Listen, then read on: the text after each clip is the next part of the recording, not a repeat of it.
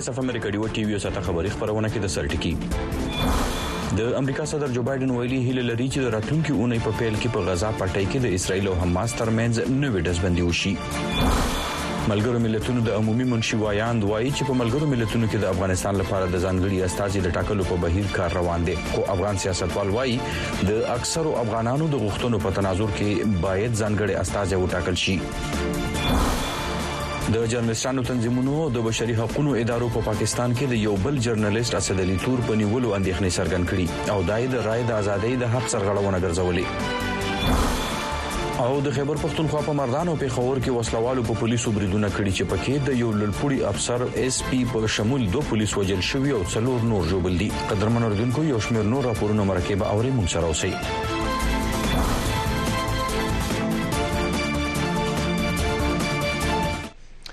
ستړي مشه زه یم اشفاق مند او وایس اف امریکا ډیو ټي وی دی او نن د نه ورځ د کال 2023 فروری د میاشتې 28 منېټه ده دا وخت پاکستان کې د شپې لاس افغانستان کې نه نیمې او په واشنګټن ډي سي کې د غرمې دولس بجې دي راځو د نن ورځې مهم خبر پلوته د امریکا صدر جو بایډن د ګل په ورځ ویلي دي چې هیله لري د راتلونکي اونۍ په پیل کې په غزا پټۍ کې د اسرایل او حماس ترمنځ نوې دزبندي وشي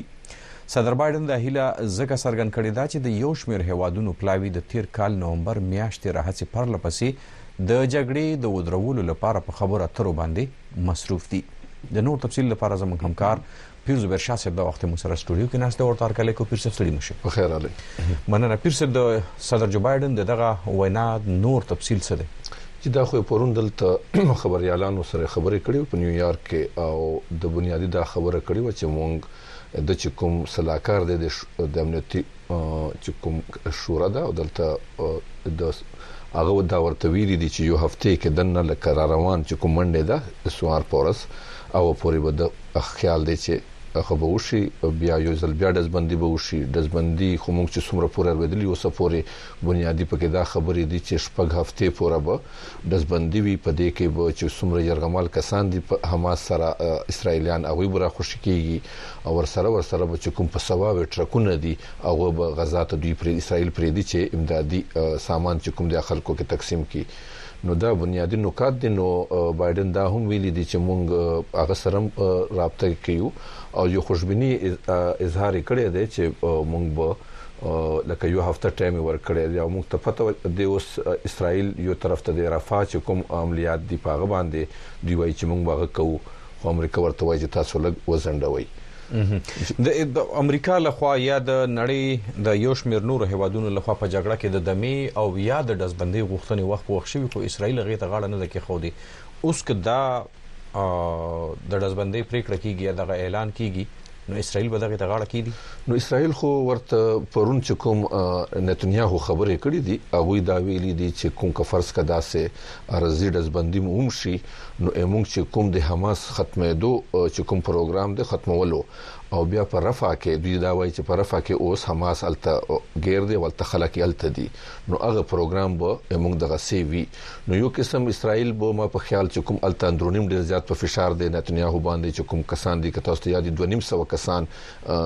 دوی بوتلیو پاغه کې سل کسان خوشی کړی شو اول چې کوم دزبندي شوی و بیا په کې ډیر نه زیات کسان اسرائیل وایي چې هغه مړ شوی دي چې کوم یرغمال کسان دي نو باقی مانده چې څومره کسان دي هغه به کوشش کوي چې د زر تزر راوباسي او څومره پورې هغه د رفاه ولا پروګرام دی نو هغه نتنیاهو حکومت خپل وار کابینټ چې کوم د کابینه د جنگي هغه ته پلان وړاندې کړی دی او په هغه کې دوی داسې ښکاري دوی برفا کې هم عملیات کوي څنګه به کوي آیا هغه ورفا کې اوس مسله دا ده چې هغه د مصر سره بارډر دی مصر وایي چې موږ به یو قسم دلته نه پریدو په خپل خاوره چې کوم دا کسان دي د غزا والا نو دا کسان به سرته زی او د رفاه کې هغه خلک دي چې کوم د نور د غزا علاقو نه به کور شي او الته راجمع شوي دي نو په اسرایل هم ډیر فشار دی په امریکا هم ډیر فشار دی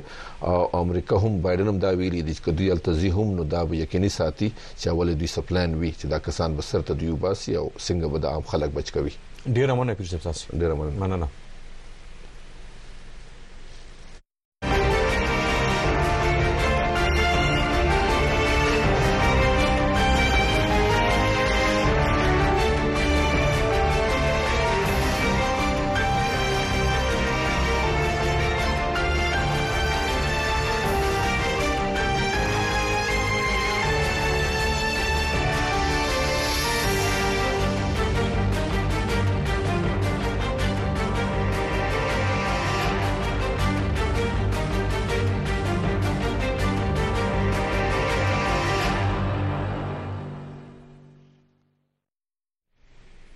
تاسو د وایس اف امریکا ډیو ټي وي یو ساته خبری خبرونه ته غوږی ملګرو ملتونو د عمومي منشي وایان وایي چې په ملګرو ملتونو کې د افغانستان لپاره د ځانګړي استاذي د ټاکلو په بهیر کار روان دی خو افغان سیاستوال وایي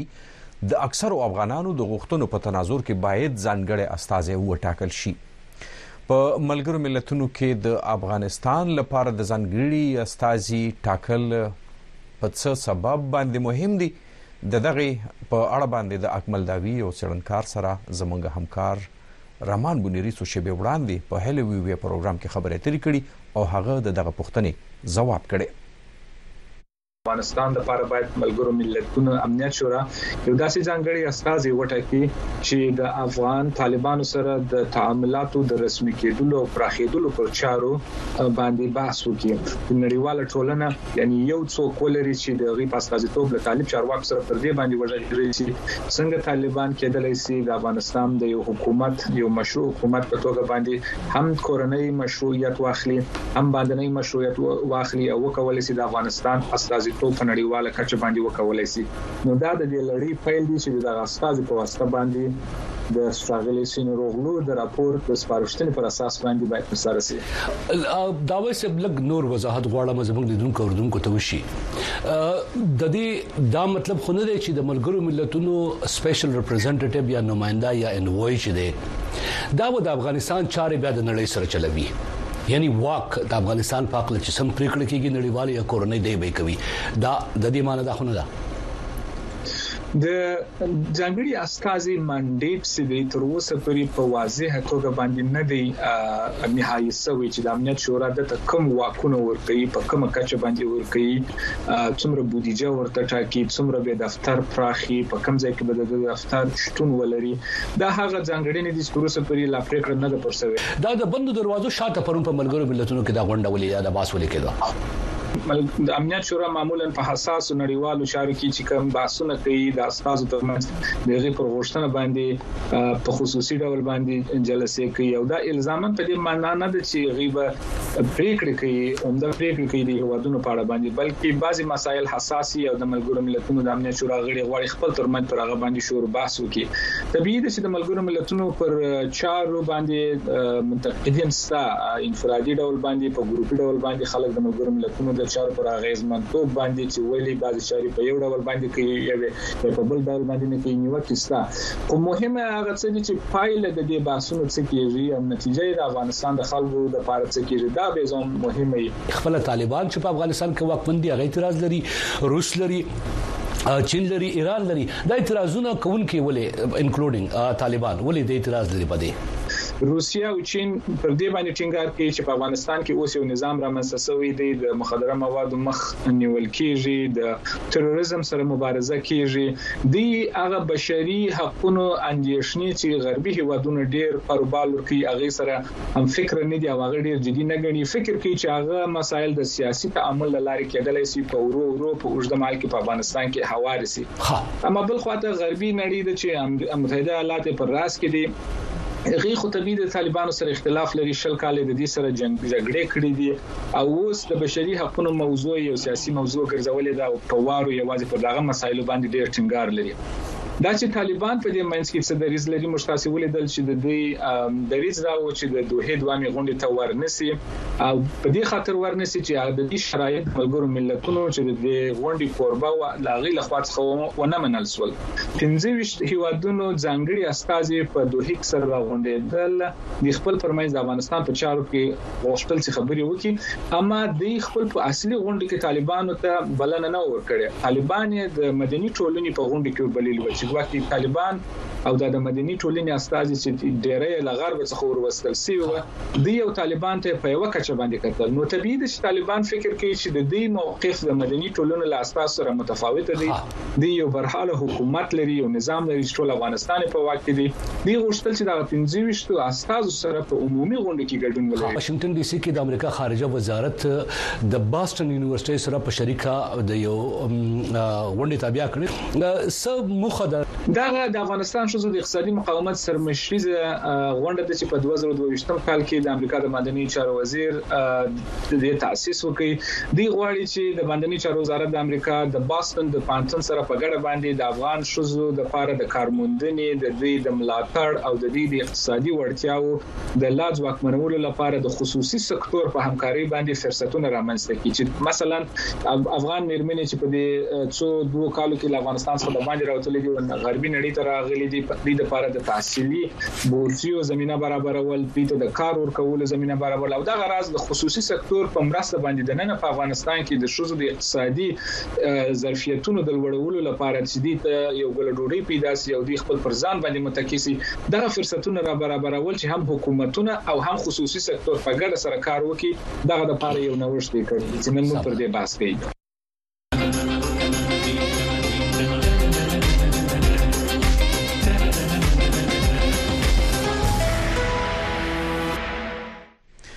د پیښور های کورټ په شلمه پروري په یو فیصله کې هغه نه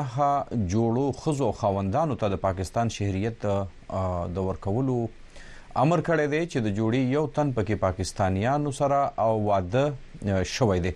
قانون پوهان وایي چې هغه غیر ملکیان چې د پاکستانی شهریا شهري سره یو واده شوی وي په هیواد کې په قانوني توګه د پاتې کېدو حق لري نور حال په دغه د ډیوه خبريال ارشد مومن په خپل راپور کې تاسو ته وایي د جمیل الرحمن تعلق د افغانستان سره دی خزه پاکستاني ده سلور لونه او درې الکان بچي دي وای اوس ورته د پیښور های کورټ په یو امر کې پاکستانی شهریت ورکولو ویلي دي جی زموږ زه په پاکستان کې پیدا شوم پاکستان کې زلوی شوم زما والد صاحب چې په الکتوب کې راغلی دی سر زما د والد صاحب پیدایش په افغانستان کې شوی دی او دا کارډونه چې موږ ته ملو شو الحمدلله موږ ته خوشحالي ملو شوله چې پاکستان کې اوسېدل لا آزاد ژوند تیر شو کله به حالات خراب شو ته ماجوره لګولې بشولا نو موږ ته کور کې ډیره پریشانی و چې دا بس کیږي د جمیل الرحمن په سیر پېښور های کورټ په تیرو وختونو کې په لسګونو هغه افغانانو ته په پا پاکستان کې د قانوني حیثیت ورکولو امرونه کړي چې پاکستانیانو سره واده شوه دي د دې نوړاندې شو پریکړو په اړه وکیلان وایي زیاتره فیصله عملی شوې دي او افغانانو ته په پاکستان کې د پاتې کېدو اجازه ورکړل شوې ده خو ځینې بیا د قانوني پیچیدګیو لوجې لا هم د هواري په پړاو کې دي د پیښور های کورټ په خپل پریکړه کې ویلي چې د نادرا او د داخله چارو وزارت د پلټنو او قانون ته د کتو نه پس دې په دې پریکړه عمل وکړي شي په دې نادرا اورډیننس کې او په دې پی او ار رولز کې دا لیکل لیکل دي چې هر هغه غیر ملکی کس چې هغه نارینه غیر ملکی وي ځنه پاکستانی وي هغه ته د حق حاصل چې هغه ته ګورنمنت اف پاکستان دا کارت ورکړي شي هغه اپلای وکړي خو شرط پکې دا دی چې اني می کنټري نه نو سپیسیفیکلی پکې د انډیا ذکر دی دا غن علاوه هر ملک وګړي هغه دا کارت پر اپلای کول شي دا صرف زنانو لپاره دی کنه چې سړی کسړی غیر ملکی وي خزه پاکستانی وي یا زنانه غیر ملکی وي خاوند پاکستانی وي ډول د پر سیم شرایط دي په پاکستان کې د زیاتره غیرملکیانو تعلق د افغانستان سره دی. وکیلان وايي، غیرملکیان د قانوني حیثیت مېلاوېدو وروسته نه شي کولای چې په ټاکنو کې ووټ واچوي او یا سرکاري نوکري وکړي. پاکستانیانو سره د واده کوونکو افغانانو کډوالو کره شمېره نه ده معلومه، خو د یو این اېچ سي ار شمېرو تر مخه څه کم درې میلیونه رجسټرډ او غیر رجسټرډ کډوال پاکستان کې اوسېدل. او د کډوالو نړیوالې ادارې، آی او ایم، ترمخه د تېر کال پنځلسم ستمبر نه را په دې خوا نږدې پنځه لکه افغان کډوال خپل ملک ته لېږل شوي دي، چې اکثر له واپس شوي کډوال د ژوند د خطرو او نورو مشکلاتو سره مخ دي. کله چې حالات محرم شو، د ماجورا له ګولې به شوه، پولیس والا به سره د کاړه خلک نیول، کارډونه به ورته ماتول او تاڼې ته به بوتله، ټیک شو جي، او بې عزتي به ورته دا کوله چې ته ماجر یې. کار ساس پیر شوی دی جمیل الرحمن غنی چې تر ډیره حد به د عدالتي پریکړې سره په پاکستان کې د پاتې کېدو مشکلات راکم شي خو په لکونو افغان کډوال اوس هم داسې دي چې د قانوني اسنادو لرلو باوجود هم په پاکستان کې د یری ژوند تیری ارشد مومن وایس اف امریکا دیوا پیښور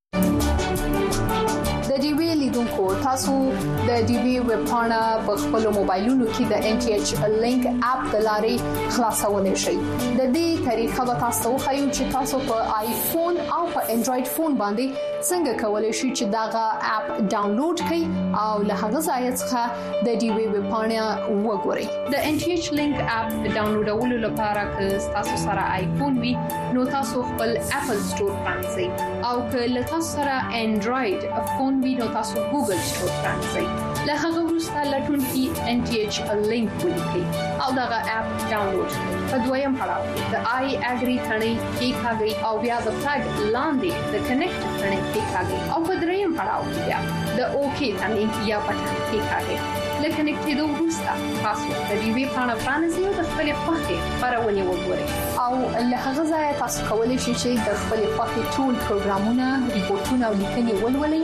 او وګورئ. د ډیوه ټي وي خبرونه لا هم دوام لري د خیبر پښتونخوا په مردان او پیښور ضلعو کې وسلوالو په پولیس باندې بریدونه کړي دي چې پکې د یو لوړپوړي افسر اېس پي په شمول دوه پولیس وژل شوي او څلور پولیسیان نور ژوبل دي. پولیس وايي چې د کاټلنګ سیمې ډي اېس پي نسیم خان او دوه نور پولیس عسکر منصور او سلیم سخت ژوبل شوي چې د علاج لپاره سمدستي توګه باندې د مردان مېډیکل کمپلېکس ته رسول شوي. د چارواکو په وینا د وژل شوو ترهګرو په سر حکومت د اویا او پنځوستو لکو روپو انعامونه هم اعلان کړي وو. د پېښې په اړه باندې نور تفصیل د مردان نه د ډیوه خبریال ریاض حسین تاسو ته وايي. پولیس وایي د مردان ضلع په کاټلنګ مت سیمه کې د ترهګرو د موجودګۍ په اطلاع پولیس او سی ټي ډي په ګډه عملیات وکړل چې په نتیجه کې د تحریک طالبان کمانډر حسن قادر او د هغه ملګری عباس اورپی عیسی ووجل شو د وجل شوی وسلوالو په سر حکومت او یا لکه او 50 لکه روپۍ انعام هم مقرر کړی وو په هان وایي د امنیتي ځواکونو لخوا په مردان کې د وسلوالو په ضد دغه لوی کامیابی ده د خیبر پښتونخوا او خصوصي توکه ضلع مردان کې بدبې به موسولولې پرچیانې به اچولې او په خپل محسن قادر په افغانستان کولن کې ډیر وخت تیر کړو الته خلک هم ټریډ کړو خیبر پښتونخوا د شوبای استعداد د شتګردې چې کوم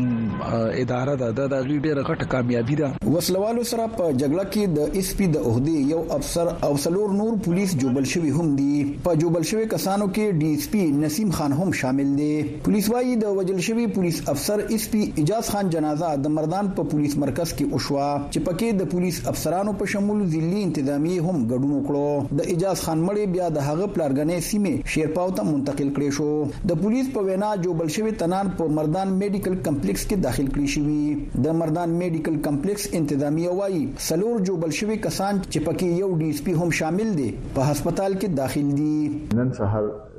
چې کوم د زمون کې جوړټای ته دی پیشن راوړل چې پای کې پولیس چې کوم د سلو پولیس والا زخمیان دي او پای کې یو ډي اس پی سره او درې داوی سره چې کوم کانسټیبلز دی هغه دي نو هغه پوزیشن ټیک دی ماشاءالله زمون ډي اس پی سره خدای ټیک دی ټول انویسټیګیشن یو شو هر څه یو شو د کانسټیبلز هم هر څه یو شو او موږ ته کوم دی نو ای کې یو کس چې دی دا اوس اپریشن چې کوم دی شروع دی په اپریشن تھیټر کې څو ورځې وړاندې په مردان ضلع ساولډیر کې هم امنیتي ځواکونو عملیات کړي وو چې پکې دوه وسلوال وژل شوي وو د خیبر پښتونخوا امن جرګې د امنیتي ځواکونو د قربانۍ ستاینه کړې او ویلي دي چې باید نوې راتلونکي حکومت د امن او امان لپاره کوټلي ګامونه واخلي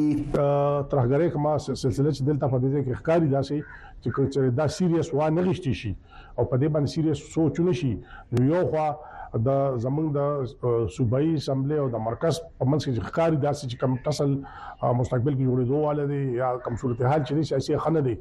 نو د دې فائدہ یا د دې بینیفټ به هم دغه خلکو ته دغه وسلوالو ته دغه ترهګرو ته رسی او د هغې ټول نقصان به ټولنې ته رسي. پولیس وايي، تېره شپه د پېښور ښار د پندو تاڼې په حدودو کې هم نامعلومو وسله والو په دوو پولیس عسکرو ډزې کړي چې یو پولیس پکې مړ او بل ژوبل شوی. څېړنیزه اداره سنټر فار ریسرچ اینډ سیکیورټي سټډیز په خپل تازه رپوټ کې ویلي چې د پاکستان دننه تېر کال دوه زره درویشت کې په ترهګریز بریدونو کې درې پنځوس فیصدي اضافه شوې. ادارې په خپل کلني رپوټ کې ویلي، د پاکستان دننه د ترهګرۍ په اته سوه یو کم نوي پېښو کې تر ټولو زیاتې پېښې په خېبر پښتونخوا او بلوچستان صوبه کې شوي. ریاض حسېن، وایس اف امریکا، ډیوه، مردان.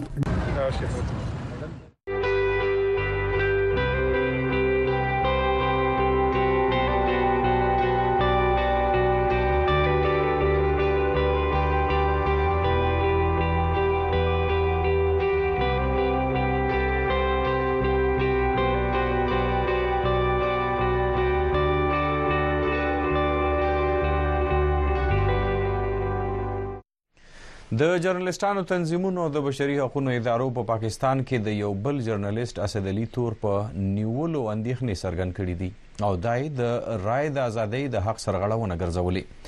دوی غوښتنه کوي چې اسد علي تور دې په سمدستي توګه خوشې کړی شي او په هېواد کې په ایکس، پخوانی ټویټر، د اعلانه بغیر لګول شوی بندیز دې هم لرې کړی شي. په دې باندې د اسلام اباد نه د ډیوه خبریاله رابیا پیر نور تفصیل تاسې ته وړاندې کوي.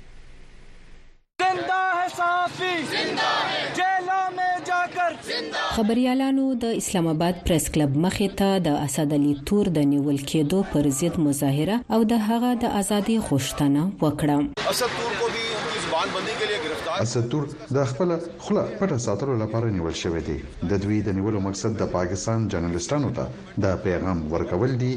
چي که څوک رښتيا وي دهغه پر ضد به عمليات کيږي. د تحقیقاتو وفاقي ادارې، اېف آی اې، د خبریال اسد علي تور پر ضد د پیمرا اېکټ دوه زره شپاړس لاندې مقدمه درج کړې چې پکې تور لګول شوی چې هغه په مبینه توګه په غلطو مقاصدو د خپل سوشل میډیا اکاونټس د پاکستان د حکومتي ملازمینو، افسرانو او حکومتي چارواکو په ضد د ناوړه کمپاین لپاره کارولی. د جوډیشل مجسټریټ مجسټریټ محمد بشیر عدالت نن د سه شنبې یا نهې په ورځ اسد علي تور په پنځه ورځنۍ جسماني ریمانډ اف آی اې ته حواله کړو.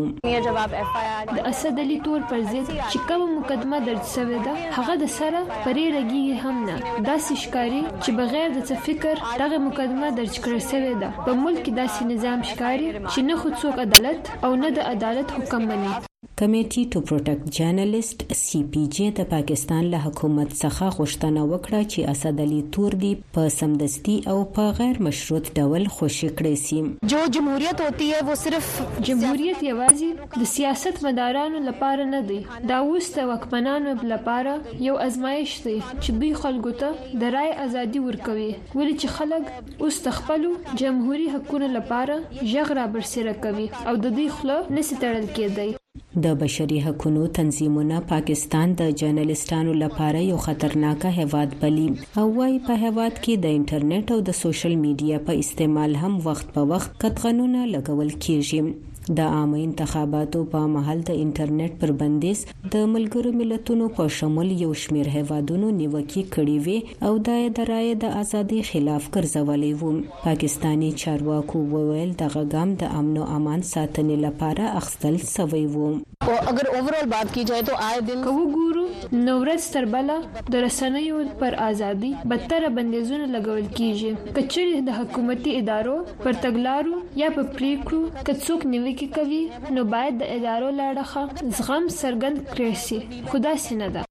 د اسد علي تور څخه وړاندي بل پخوانی جرنلسټ عمران ریاض هم په تیرو ورځو کي نیول سوی وو. په عامو انتخاباتو کي د مبینه درغلیو د الزاماتو وروسته، په پاکستان کې د تېرو لسو ورځو راهیسې د ټولنیزه رسنیو پلټ فارم ایکس، پخواني ټویټر، ته هم لاسرسی ځنډېدلی ده. رابعه پیر، ویس اف امریکا، ډیوه، اسلام اباد.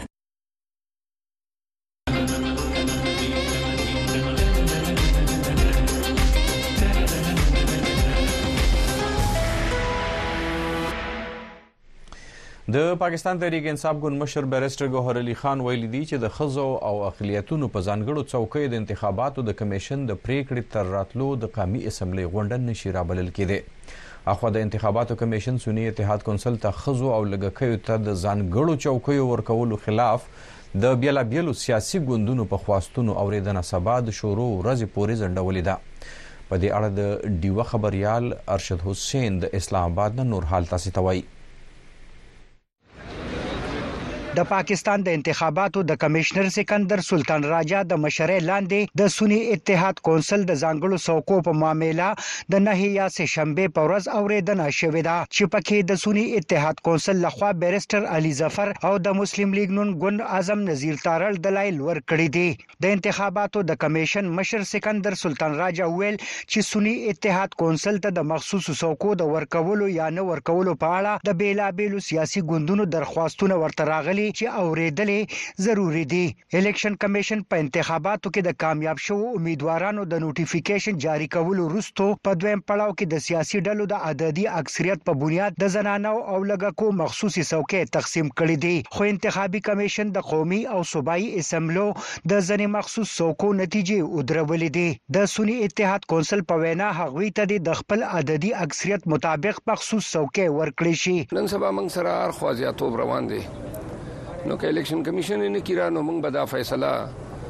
بر عدالتونو کې چیلنج کوو. په الیکشن کمیشن کې د ځانګړو څوکو په اړه د اورېدنې په مهال د مسلم لیګ نون ګوند وکیل اعظم نذیر تارړ دریځ خپل کړی چې سني اتحاد کونسل په ټاکنو کې په یوه څوکۍ هم کامیابي نه ده تر لاسه کړې. د نوموړي په وینا که څه هم په سني اتحاد کونسل کې ځنې ازاد غړي شامل شوي خو وايي دوی ته څنګه مخصوص څوکۍ ورکول کېدای شي. د پاکستان صدر عارف علوي د قامي اسمبلۍ د غونډې رابللو په اړه د نګران وزیراعظم په ورلېږل شوې سمرۍ باندې اعتراضات کړي دي او هغه یې بېرته ورلېږلې ده. پاکستاني رسنۍ وايي چې صدر عارف علوي د نګران وزیراعظم په سپارښتنه اعتراض راپورته کړی چې لومبې بايد په قامي اسمبلۍ کې د ښځو او اقلیتونو ځانګړې څوکۍ ډکې کړې شي او له هغې وروسته به د قامي اسمبلۍ غونډه رابلل کېږي. دا یو آئیني بحران جوړ شوی دی. د دې حل دا دی. چې فډرل ګورنمنت ولګي او په دې مسله باندې ایمیډیټلی د سپریم کورټ نه اډوایس واخلي آرټیکل 186 په ترو باندې او سپریم کورټ چې په دې مسله باندې اډوایس ورکول شي چې آیا صدر پاکستان دا اجلاس طلب کولای شي یا سپیکر طلب کولای شي او یا د دویم حل دا دی چې دا کم ریزرو ټسیج سي د دې د فورا نوټیفیکیشن وشي. د پاکستان تحریک انصاف ګوند چیرمین بریسټر ګوهر علي خان ویلي، د ځانګړو څوکو د اعلان بغیر د قامي اسمبلۍ غونډه نه شي رابلل کېدی. په اسلام اباد کې د رسینو سره خبرو کې ښاغلي ګوهر وینا وه، د پنجاب او سند اسمبلو غونډې هم په غیر قانوني توګه رابلل شوي او چلول شوي دي. مطبوعات وايي د صدر له خوا د قامي اسمبلۍ د غونډې رابللو د سپارښتنې رد کېدو وروسته د قامي اسمبلۍ سپیکر د آئیني ماهرینو او د اسمبلۍ د سیکرټریټ د اعلی چارواکو سره مشورې کړي او د آئین د یو نویمې مادې د دویمې دفعې لاندې په یوکم دېرشمه فرورۍ د قامي اسمبلۍ د غونډې رابللو پریکړه کړې ده. قانون پوه سید سردار حسین وايي دا خبره ناسمه ده چې ګني د انتخاباتو وروسته په یوویشت ورځو کې دننه د قامي اسمبلۍ غونډه را بلل کېدل غیر آئیني دي. قانون کې او په آئین کې دننه د الیکشن لاز کې د اسمبلۍ د الیکشن نه وروسته د راغوښتو لپاره ستصرف یو مقرره میعاد دی او هغه میعاد کې دننه به خامخا اسمبلي را غونډېږي، د سپیکر، ډپټي سپیکر او بیا وزیراعظم انتخاب به کوي او څو پورې چې دا خبره چې مخصوص نشستونو باندې ممبران نشتی نو دا خو اسمبلی کلم پوره نه د انتخاباتو په کمېشن کې د ځانګړو څوکو په اړه د اورېدنې په وخت د پيپل ګون وکيل فاروق اېچ نايک ويلي، بايد چې انتخابي کمېشن په دې معامله ټولې پارلېماني پارټۍ فريقې جوړې کړي او کمېشن ټولې پارلېماني ډلې واوري. ارشد حسين، وائس آف امريکا، ډيوه، اسلام آباد. د بدلون په وخت کې کله چې نړۍ د غیر یقیني سره مخامخ کاری او کله چې موږ ساورو هغه هغه شان نخ کاری چې څنګه وینو موږ د اړتیا ولټون کوو موږ ته چې کله نیمګړی قصه ویل کیږي موږ پر باور بیلو د کڑکېچ په شېبو کې زموږ خوبونه، امیدونه او د غوره سباوون لپاره زموږ ارزوګانې ازادې میډیا ته اړتیا لري. په وایس اف امریکا کې موږ تاسو ته داسې خبرونه راوړو چې د کتلو لپاره خلک د خطر سره مخامخ کوي. موږ نړۍ سره یو ځای کوو او رښتیا سره یې پیوست کوو. په وایس اف امریکا کې مونږ تاسو ته پوره عکس درخایو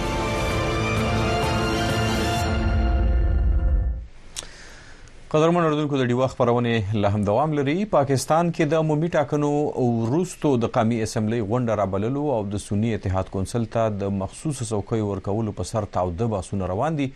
د ډیوه خبریال عثمان خان په پېښور کې په دې اړه باندې د قانونپوهانو نظر اخیستی دی، تاسو ته وړاندې کوو.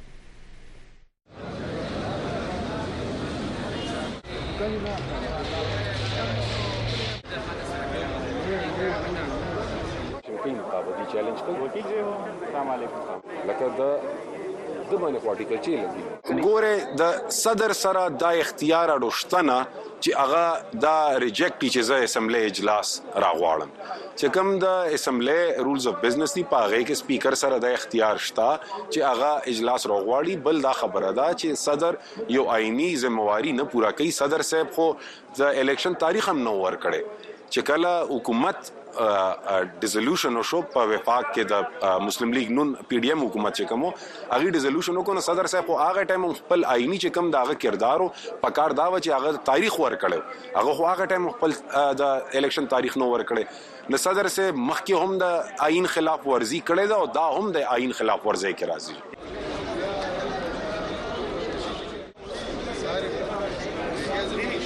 په قانون کې په آئین کې همیشه دا گنجائش وی چې یو دروازه بند شي نو بلې دروازې ته بیا پکې دغه کیږي نو که پریزیدنت دا دغه سمری واپس کړي دا نو سپیکر سره دا اختیار شته دی په الټرنیټ کې چې هغه دا د قومي اسمبلی اجلاس سره وغواړي او دا کم پروسیډینګ چې پکې کېدلی یا اوټ ټیکینګ پکې کېدلی چې دا پکې وشي دی د پاکستان د وفادارۍ. دا دی چې دې ټایم کې صدر پاکستان باندې په سوشل میډیا راغلي دي چې هغه د دستخط نه انکار وکړو دا شی نه ده دا چې کلم هغه ته سمري را پټه کړې کیږي نو ورسره نوټ ولیکل شي هغه نوټ چې دی دا ولیکل شو چې یاره دې کې چې کم ریزرو سیټونه دي هغه چې دی لا پروسس کمپلیټ شوی نه دی د هغه مطابق چی دی دایغه نو هغه سمری چی ده واپس د هغه نوټ سره واپس کړه چی دا کله چی دی کمپلیټ شی هغه نه پس به چی دی د قومی اسمبلی چی دی هغه را غوښتلی کیږی.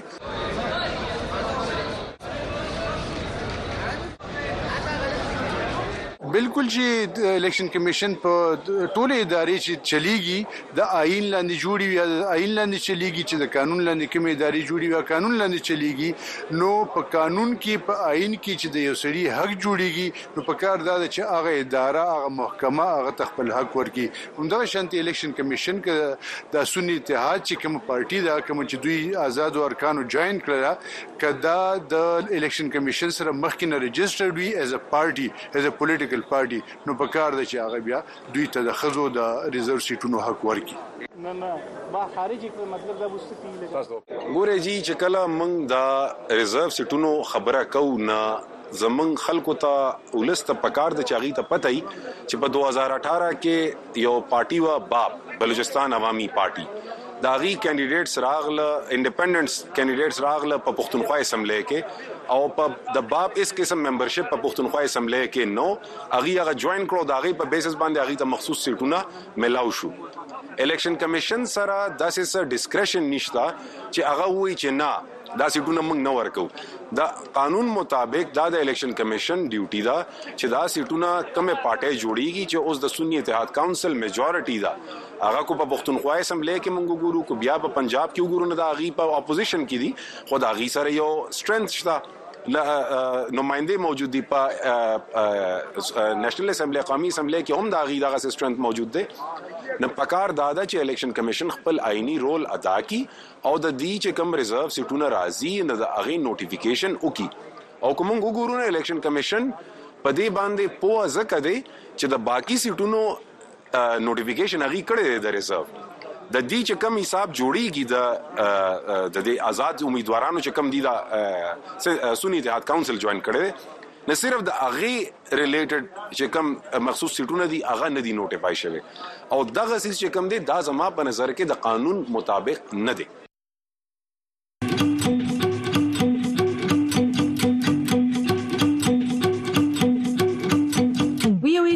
سټلایټ ټي وي هر ورځ سلویریش ساته په دیشنټینا تاسو په یو ټل سټلایټ په ټي وي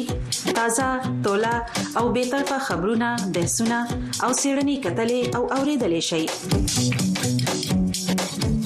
د یو ټل سټلایټ فریکوئنسي یا سبې او یا بی او یا اشاریه پنځه ایست چینل یو سل درې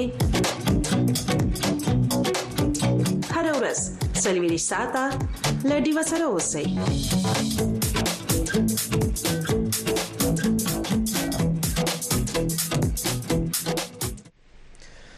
قدرمن اوریدونکو د ډیو ټي وي خبرونه له هم دوام لري پاکستان کې دا وخت حکومت سازي روانه ده دوو صوبو کې حکومتونه جوړ شوي امکان لري چې پښتونخوا او بلوچستان او وفاق کې هم روانه هفته کې د حکومت سازي مرحله سرته ورسي د نوو حکومتونو نه د ځوانانو هلي څه دي مدثر شاه او هاشم علي د پېښور پوهنتون زده کوونکو زده کوونکو سره په دې بابله باندې خبرې اترې کړې دي او تاسو ته وړاندې کوو کم کسان چې کامیاب شوي دي او عام منتخب کړي هغه ټول ته مبارکي او هغه نه بعد زما او زما د نور ملګرو د ټولو پاکستاني عوام هم دغه ډیماند دی چې دا پارلیمنت جوړ شوی دی او دا جمهوری نظام جوړ شوی دی مطلب دا دی چې اپوزیشن والا او ګورنمنت والا لړ شي په ټیبل باندې کینی او ډایلاګ وکي او دا غ ډایلاګ په ذریعہ باندې د عوامو مسلې حل کړي نو نه کې چې د عوامو لپاره مسلې سیوا کی نو چونکه نوې حکومت سازیان دي نوې خلې زلې دي هغه نو مدخ کو امید دي چې د غلط کینی راوځي شي او زمونږ چې کوم ډېر غټه غټه مسلې دي پاره باندې باسو کی او هغه له چې کوم دنو حل راو باسي او عوامو له ریلیف ورکړي په خبر خدا چې سټوډنټ ګرځو ومنو زمونږ ایجوکیشن سیستم ډیر زیات ګډوډ روان دي کې پی کې کې ایون پېښور یونیورسيټي کې دون را روان مطلب یو کال نام سټرایکس روان دي ټیچرز پراپر کلاسز نه علي مطلب سټرایکس چې 2 منث 3 منث اينه پس موږ را شنو کلاسز پراپر کیږي نه ډایرکټ پیپرز شي او هغه د بجې نه د موږ ته سټډیز ډیر زیات افیکټ شوي دي نو موږ غواړو چې اگر دا نوی حکومت راشي نو دوی په دې باندې ډېر فوکس وکړي چې زموږ د ادارې سمې کې پراپر ټیچرز ته اگر هغوی څه فنډینګ دی له پراپر هر څه ورکړي چې هغوی پراپر کلاسز والي چې زموږ ایجوکیشن سیستم مخکې لاړ شي زموږ توقعات دا دي چې څومره هم چې کوم دی نو طالب علم دي ټول چې کوم دینو تعلیم خو خپل ملو شي یعنی جاغي چې کوم د دې بیس چې کوم دینو د چې کوم رائټ نه بیسیک دی یعنی مطلب هغه هم هغه پکار دی وسره وسره چې مینه تعلیم وسره وسره صحت پکار دی ولا او دې سره چې کوم دینو هغه چې کوم دینو تحفظ ملو شي یعنی نن سبا چې کوم دینو زموږ په پاکستان کې ټول نه غټه مسله چې کوم دینو دام دا دا چې پته نه لګي سوق چې میرا شي او ماشوم چې کوم یو چتیا سټوډنټان چې کوم سونه سونه چشول نو زموږ د د ګورنمنت سکاري سکار دا کار دی چې هغه چې کومې خپل د خپل قوم چې کومې حفاظت وکړي او حفاظت حفاظت سره یې د زموږ چې کومې بیسیک چې کومې حقوق دي یعنی د موږ له خامخا پکار دي او دلته چې د زما په خیال چې پېښور کې پرایویټ یونیورسيټیز نم زیات زیات غټ غټ فیسونه دي نو زه یم چې لګ دی باندې لګ ساغو کی چې زمو فیسونه لګ کم شي او بل دا چې کالجونه دي نو چې کالجونه هم لګ جنکو د پاره زیات جوړ کی ځکه چې زمو کلو نه بیا بهر جنکه بهر نه پریږدي کله نه بهر نه پریږدي سبق ته نو یې د پکا دی چې کالجز جوړ کی سرکاري کالجز او هغه نه علاوه سړکونه لګ پاخه کی ځکه چې موږ چرته کلی ته ځو نو ډیر ګډ وډ سړکونه وي نو اول نه کار خدا دی بل دا چې سټریټ لایټس لګي ځکه چې سک سکلو باندې زیات فوکس وکي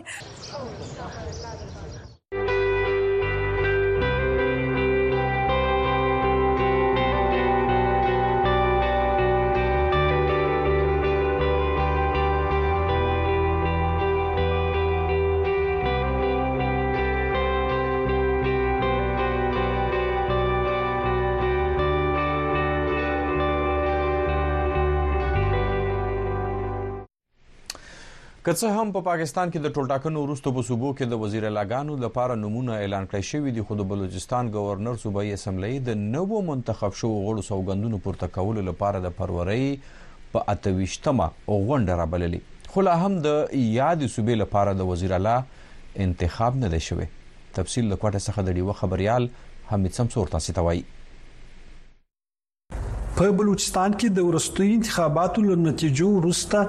د پاکستان پیپلز ګوند، پاکستان مسلم لیګ نون او بلوچستان عوامي ګوند د حکومت د جوړولو لپاره موافقه کړې ده. څېړونکي وایي چې په بلوچستان کې د حکومت د جوړېدو لپاره ناستې هم روانې دي. خبریال خلیل احمد وایي چې د عامه انتخاباتو نه وروسته د حکومت په جوړولو کې د ځنډ اصل لامل دا دی چې د بلوچستان حکومت ډېری پریکړې د ادارو په لاس کې دي نوموړي وایس اف امریکا ډیوه سره په خبرو کې وویل چې د پاکستان پیپلز ګوند غړي دا مهال د ګوند د مشرتابه په انتظار دي چې څوک به د بلوچستان د اعلی وزیر لپاره نوموي او کې پیپلز پارټي خاص امیدواران ډېر زیات ورشه خواهش دي کې هغه وزیر اعلی جوړ شو خاص کر دا سلور کسان ډیر امپورټنټ وو دا هغه دغه کی صادق عمرانی او نواب ثنا الله زهری او میر سرفراز بکټی او میر زور بریدی او نو دا پارټي اول دا یو رائے او کې موږ مخته ماضی کې کم خلک جوړ کړي دي هغه بیا پارټي ته دوکه ور کړی دي نو دا دا وار موږ یو جالا زوړ جالا به جوړ کو لیکن تاته معلوم دی که بلوچستان کی ډیر سټیکس انوالو دی هر اداری سټیک لری دلته نو دا غواړی که داسی سړی جوړ کو که کم دا بلوچستان کی کم شورش دی کم امن او امان صورتحال خراب دی هغه لیژ برابر کړی ګرد زیات شورش دی مکران ډویژن کی نو دا وار دا کوشش کړی چی داسی سړی وټاکو که کم کرپشن څخه پاک وو. په بلوچستان کی دپاکستان پیپلز پارټی مشران وویل چی دوی غواړی چی د ایتلافی حکومت لپاره له سیاسی ګوندونو سره یو ځای د مضبوط حکومت په جوړولو کار وکړي او ټول شریک ګوندونه په اعتماد کې واخلي د دوی په خبره چې د پاکستان پیپلز ګوند مشرتابه غواړي چې د وزیر اعلی لپاره داسې نوم حتمي کړي چې متحده سیاسي ګوندونه باور ورباندې ولري خو څېړونکی شهزاده ذوالفقار بیا بېل نظر لري. دا کم مقتدر قوتونه دی دغه او د پیپلز پارټي مابین دا خبر روان دی چې نن ګرد ایم پی ای را ورسېدله تر اوس پورې دا دغه نه دی ولې اعلان کم دونی مشکلات مشکلات خو نسته څلور خلک وي په څلور خلک ګرد ویلې چې کم پارټي فیصله کوي پارټي لیډر چې فیصله کوي هغه به وسی. و بل لور ته بیا ملتپالو ګوندونو په کوټه کې د کمشنر د دفتر مخې ته چې له ولس ورځو راهیسې احتجاج روان و اوس یې پای ته رسولی دی. د دوی په خبره چې د بلوچستان اسمبلۍ په شمول په ټوله صوبه کې به د احتجاج لړۍ د غځولو پریکړه کړې ده. په دې څلورو ګوندیز اتحاد کې بلوچستان نشنل پارټۍ، مینګل، پښتونخوا ملي عوامي پارټۍ، نشنل پارټۍ او هزاره ډیموکراټیک پارټۍ شاملې دي. خو د الیکشن کمیشن د نوټیفیکیشن له مخه پاکستان پیپلز ګوند دا مهال په بلوچستان اسمبلۍ کې ولس چوکۍ لري پاکستان مسلم لیګ نون 14 چوکۍ لري جمعیت علما اسلام پی ټول ټال 12 چوکۍ لري الیکشن کمیشن وایي چې د درو صوبایي اسمبلۍ د عامه چوکیو د نتیجو اعلان لا نه دی شوی د دې ترڅنګ بلوچستان عوامي ګوند باب پنځه، نشنل پارټۍ څلور او اې اېن پي درې څوکۍ ترلاسه کړې دي. په صوبايي اسمبلۍ کې جماعت اسلامي، حق دو تحریک، بلوچستان نشنل پارټۍ مېنګل او بلوچستان نشنل پارټۍ عوامي یوه یوه چوکۍ ګټلې ده. د تاریخ په اوږدو کې په بلوچستان کې هر وخت د مختلفو سیاسي ګوندونو مشترک ائتلافي حکومت پرانیستل شوی دی چې څېړونکي وایي چې په پرېکړو کې ډېر کمزوری وي. حمید سمسور وی او ډیوا فتا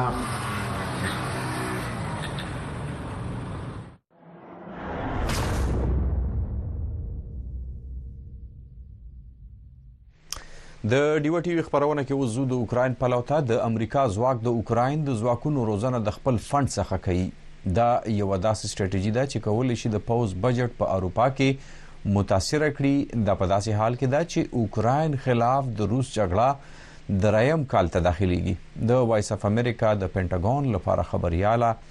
کارلا باب راپور تاسو ته زموږ همکار نصرالله خان وړاندې کوي.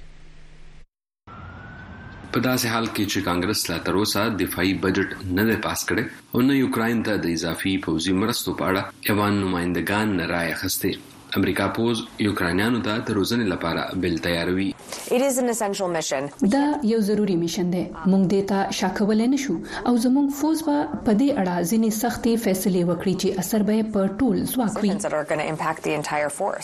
د پوځ چارواکي وایس اف امریکا ته ویلي، که چېرې هېڅ بدلون را نه شي، د امریکې د پوځ اروپا او افریقا کې به اوکراین سره د مرستو په شمول هر څه لفاره پڼ ختم شي. چې په کې ګرمۍ کې مشقونه هم شامل دي. د فنډ په دې بحران د پنټاګون پریس سیکرټري سبرینا سینګ وايي چې دا د خطرې نښه ده.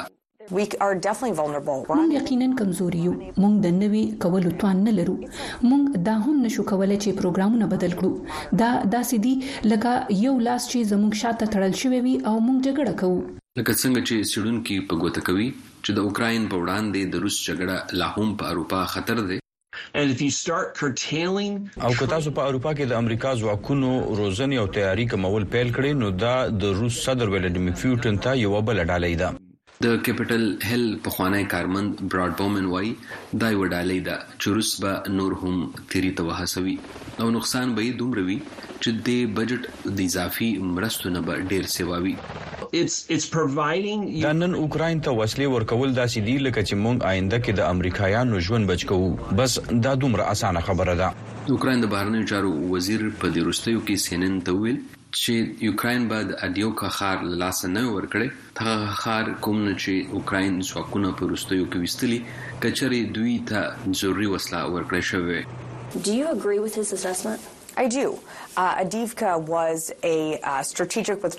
او د اډیوکا ښار نه وتل یوه سټرټجي وه، خو د دغه ښار نه راوتل د کانګرس د غیر فعالۍ له امله وشو. دا پرله پسې پنځه میاشتې وشوې چې پنټاګان لا د مکمل بجټ پرته عملیات کوي. د دسمبر له وروستیو راهیسې اوکراین ته د پوځي مرستو نوی پړاو نه دی استولی. د کارلباب لپاره نصرالله خان وایس اف امریکا ډیوه واشنګټن.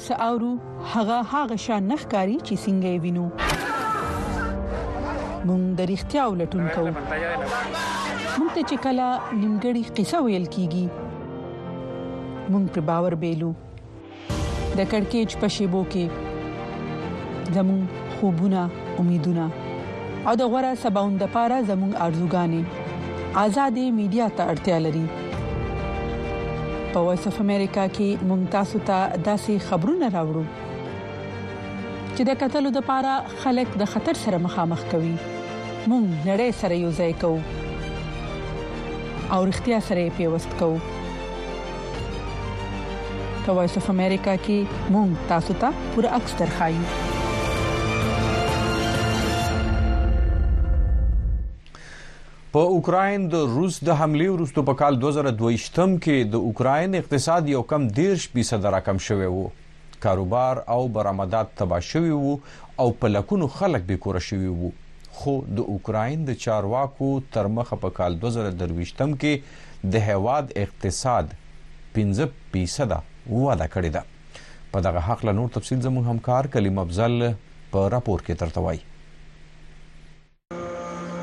په کال 2020 کې د روسي حملې وروسته د اوکراین اقتصاد یو کم 10 فیصد کم شو د اقتصاد ماهرانو اټکل کولو چې اقتصاد به نور هم 15 فیصد کمیږي خو هیواد لپاره د حیرانتیا خبر دی چې حقيقي شمیرې د توقعاتو نبيخي بدلې دي By the end of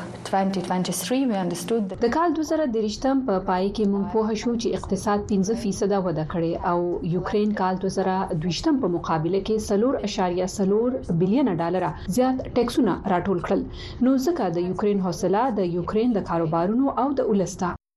برېزنا وايي، جنګ موږ مجبور کړو چې خپل اقتصاد کې ژور بدلون راولو. موږ نور نه غواړو چې د یورپ لپاره د وسیلو مرکز پاتې شو. موږ ته پکار دي چې خپل ملک کې دننه هر څیز تیار کړو. د کار نوي طریقې جوړول غوره تګلاره ده چې ټکسونه پیدا شي او ملک لپاره ګټور ثابت شي. ایسپر بایونیکس په هغو کمپنو کې ده چې د جنګي اقتصاد ضرورت پوره کوي. دا کمپني د اوکراین جدت او انجینیرنګ په استعمال سره د اعلی کچې مصنوعي لاسونه جوړوي، کوم چې ژوبل شوي پوځیانو په ژغورنه کې مرسته کوي. د ټیکنالوژي مشر افسر کاریلا پیروواسچیکو د کمپنۍ د غځیدو کارونو ذمه واري ترسره کوي. زما په خیال موږ تېر کال لږ تر لږه دوه چنده وده کړې، زموږ په کارکوونکو کې زیاتوالی راغلی او دوه چنده خلک موږ بړتي کړي دي چې کار وکړي، ضرورت ډېر زیات دی او موږ کوشش کوو چې دا ضرورت پوره کړو. د جنګ نه وړاندې او ټي پي لیزینګ کمپنۍ په مارکیټ کې مشري کوله او جدا قسمه سامان چې پکې د کر کلي سامان، مېډیکل سامان او ګاډي هم په اجاره ورکول خو د کمپنۍ لاټونه، چې کییف ته نېږدې وو، نېغ په نېغه د بمبارۍ ښکار شول او ډېر سامان تاواني شو. د کمپنۍ ځینې ګاډي د دفاع په کارونو کې استعمالېږي او نور ګاډي جنګي محاذ ته لېږلو ته تیار دي. په کال دوه زره درشتم کې ضروري شیان موږ شامل کړل او خپل کاروبار کې دېرش فیصده اضافه وکړه. د جنګ نه وړاندې زمونږ ټوله سرمایه پنځه سوه میلیونه ډالره وه خو اوس دا درې نیم سوه میلیونه ډالره ده نو مونږ لږ کاروبار کم کړی سږ کال به دا برقرار ساتو او را روان کال به مونږ بیا وده وکړو. اقتصاد پوه خبرداری ورکوي چې د اوکراین اقتصاد په خارجي امداد ولاړ دی او غټ هدف یې پوځي اخراجات دي. د یوې اندازې ترمخه د اوکراین بجټ د کورني امدن تر دېرش فیصده برخه بېللې. دا ډېره لویه شمېره ده. موږ دا خبره منو چې څومره هم امداد امریکا او اروپا نه راځي نو چې پوځي ضرورتونو لپاره ښه دی او د پوځي اقتصاد په برخه کې چې څومره هم پیسې راشي نو ښه دي. نیناوو وايي چې په راتلونکو کلونو کې د اوکراین اقتصاد استقامت او ودې لپاره بلیونونو ډالرو ته اړتیا لري او ورسره خارجي حکومتونو او د نړیوالو ادارو مرستې پکار د وي او ای میرو سیلا ګونګازي لپاره کلیم افضل واشنګټن.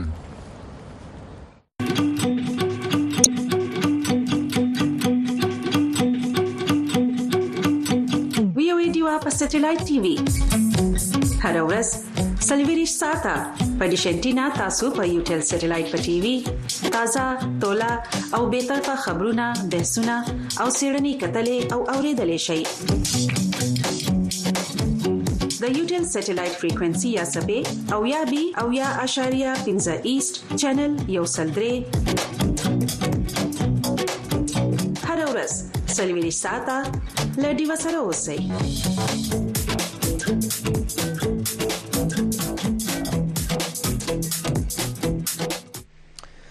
د هنګري لخوا د منځوري منځوري ورستو توقع ده چې سویډن په آینده ورځو یا هفتو کې په رسمي توګه په ناتو پوځي اتحاد کې شامل شي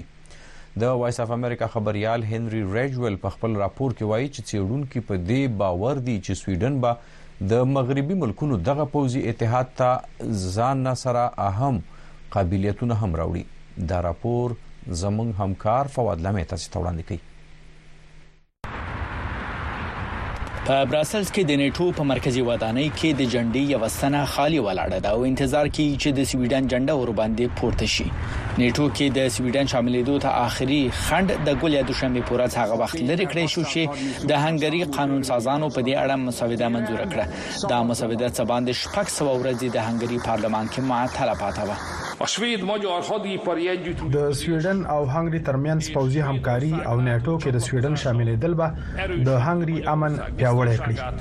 په اوکراین باندې د روس د یرغل نه درې میاشتې پس سویډن او فنلنډ دوه زره او دوه ویشت کال په مې میاشت کې په ګډه نېټو کې د شاملېدو خواست وکړ. هنګري د نیټو په یو دیرش غړو کې آخري ملک و چې د سویډن درخواست ته یې مثبت رائے ورکړه اوربان دا رائے په دې ځنډولې و چې سویډن په هنګري کې د جمهوریت په کمزوریو نیوکې کړې وي مګر د جمعې پر ورځ چې د سویډن وزیر اعظم اولف کرسترسن بوداپست ته ولاړ او بیا هنګري د سویډن نه د څلورو جنگي جهازونو د اخیستو تړون وکړ د دواړو ملکونو ترمنځ تناوونه ختم شول کرسترسن دا یو تاریخي ورځ وبلله سویډن چې په لسهاوو کلونو یې د پوځي بې طرفۍ پالیسي ساتلې وه، په آینده هفتو کې به په باقاعده توګه د نېټو غړې شي.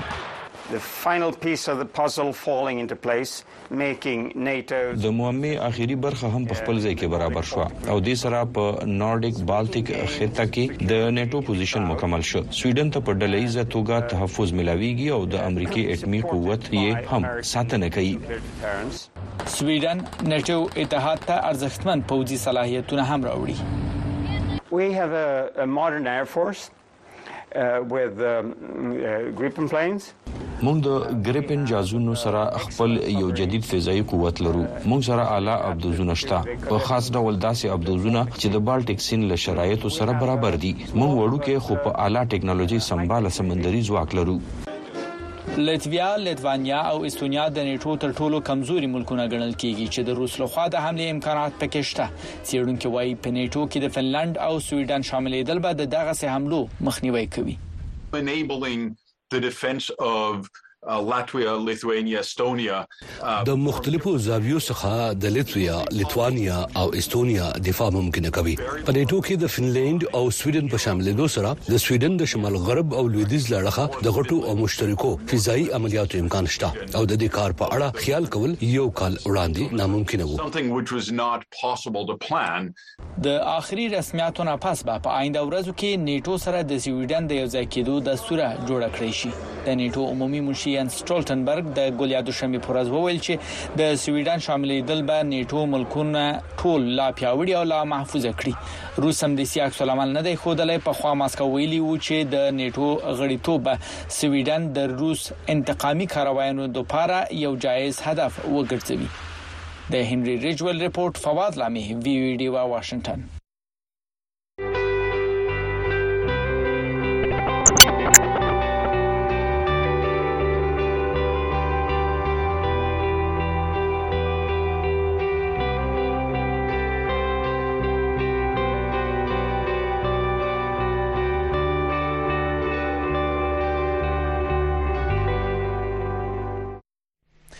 د خیبر پښتونخوا د صحت چارواکو د سخت کال په وړومبۍ وو هفتو کې د شری ناروغي درويشت سوا کیسونه راپور کړي دي دی وایي چې په دغه ناروغي سلور اتیا فیصد ناروغان داسې دي چې وړاندې ورته هیڅ قسمه واکسین نه ورکړی شوی د ډیوه خبريال صدام حسین په دغه تفصیل وړاندې کوي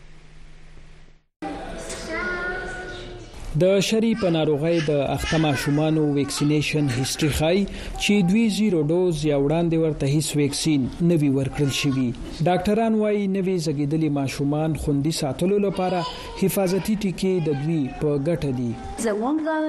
کې پینې علاوه پر پاکستان کې که تاسو وګورئ کنه چې کوم دا ویکسین پریونټیبل ډیزیزز دي دا ډیر زیات په پیک باندې روان دي لکه که تاسو ټي بي وګوري تاسو هپټایټس وګوري تاسو د ډیفتیریا وګوري تاسو پرټسیز وګوري ات د سیم ټایم میزلز وګوري او دا ټول بیماریان د سې دي چې دې کې رو تر رو اضافه کیږي او کمیږي نه لګیا دي تیر کال خیبر پښتونخوا کې درې ویشت زره ماشومان د شري په ناروغۍ اخته شوي وو او د سږ کال په وړومبۍ اوو هفتو کې د دې ناروغۍ ښکار ماشومانو شمېره د دوه زره سېوا شوې او ورځ تر بلې زیاتېږي. ډاکټران وايي، د ماشومانو په داسې مرض اخته کېدل ښايي چې میندې او پلرونه د لایف سیوینګ ویکسین یا د ځوند ژغورونکي واکسینونو په اړه پوهاوي ته اړتیا لري. په سلو کې بیا لس فیصده ماشومان داسې دي چې هغه د دې کمپلیکیشن د وجې د هغوی بیا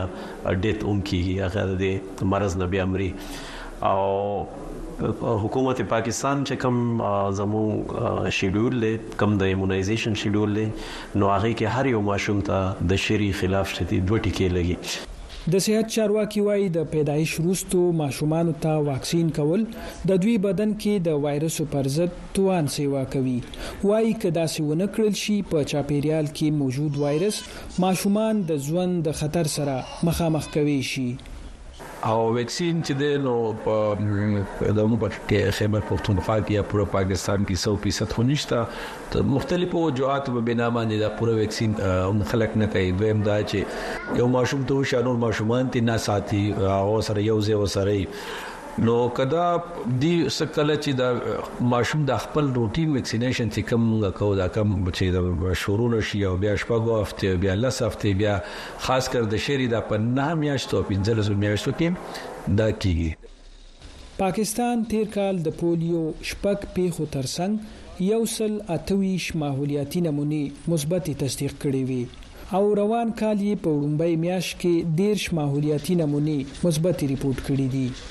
په پاکستان کې د پولیو ضد څاڅکو ورکولو مهم روان شوی خو د خېبر پښتونخوا یوازې دوو ضلعو لکي مروت او ډي اي خان کې دوام لري. د خېبر پښتونخوا پوليو چارواکو ويلي په پاتې برخه کې به د مارچ د درېمې نېټې څخه پېل کېږي. صدام حسېن خان، وائس اف امريکا، ډيوه، پېښور.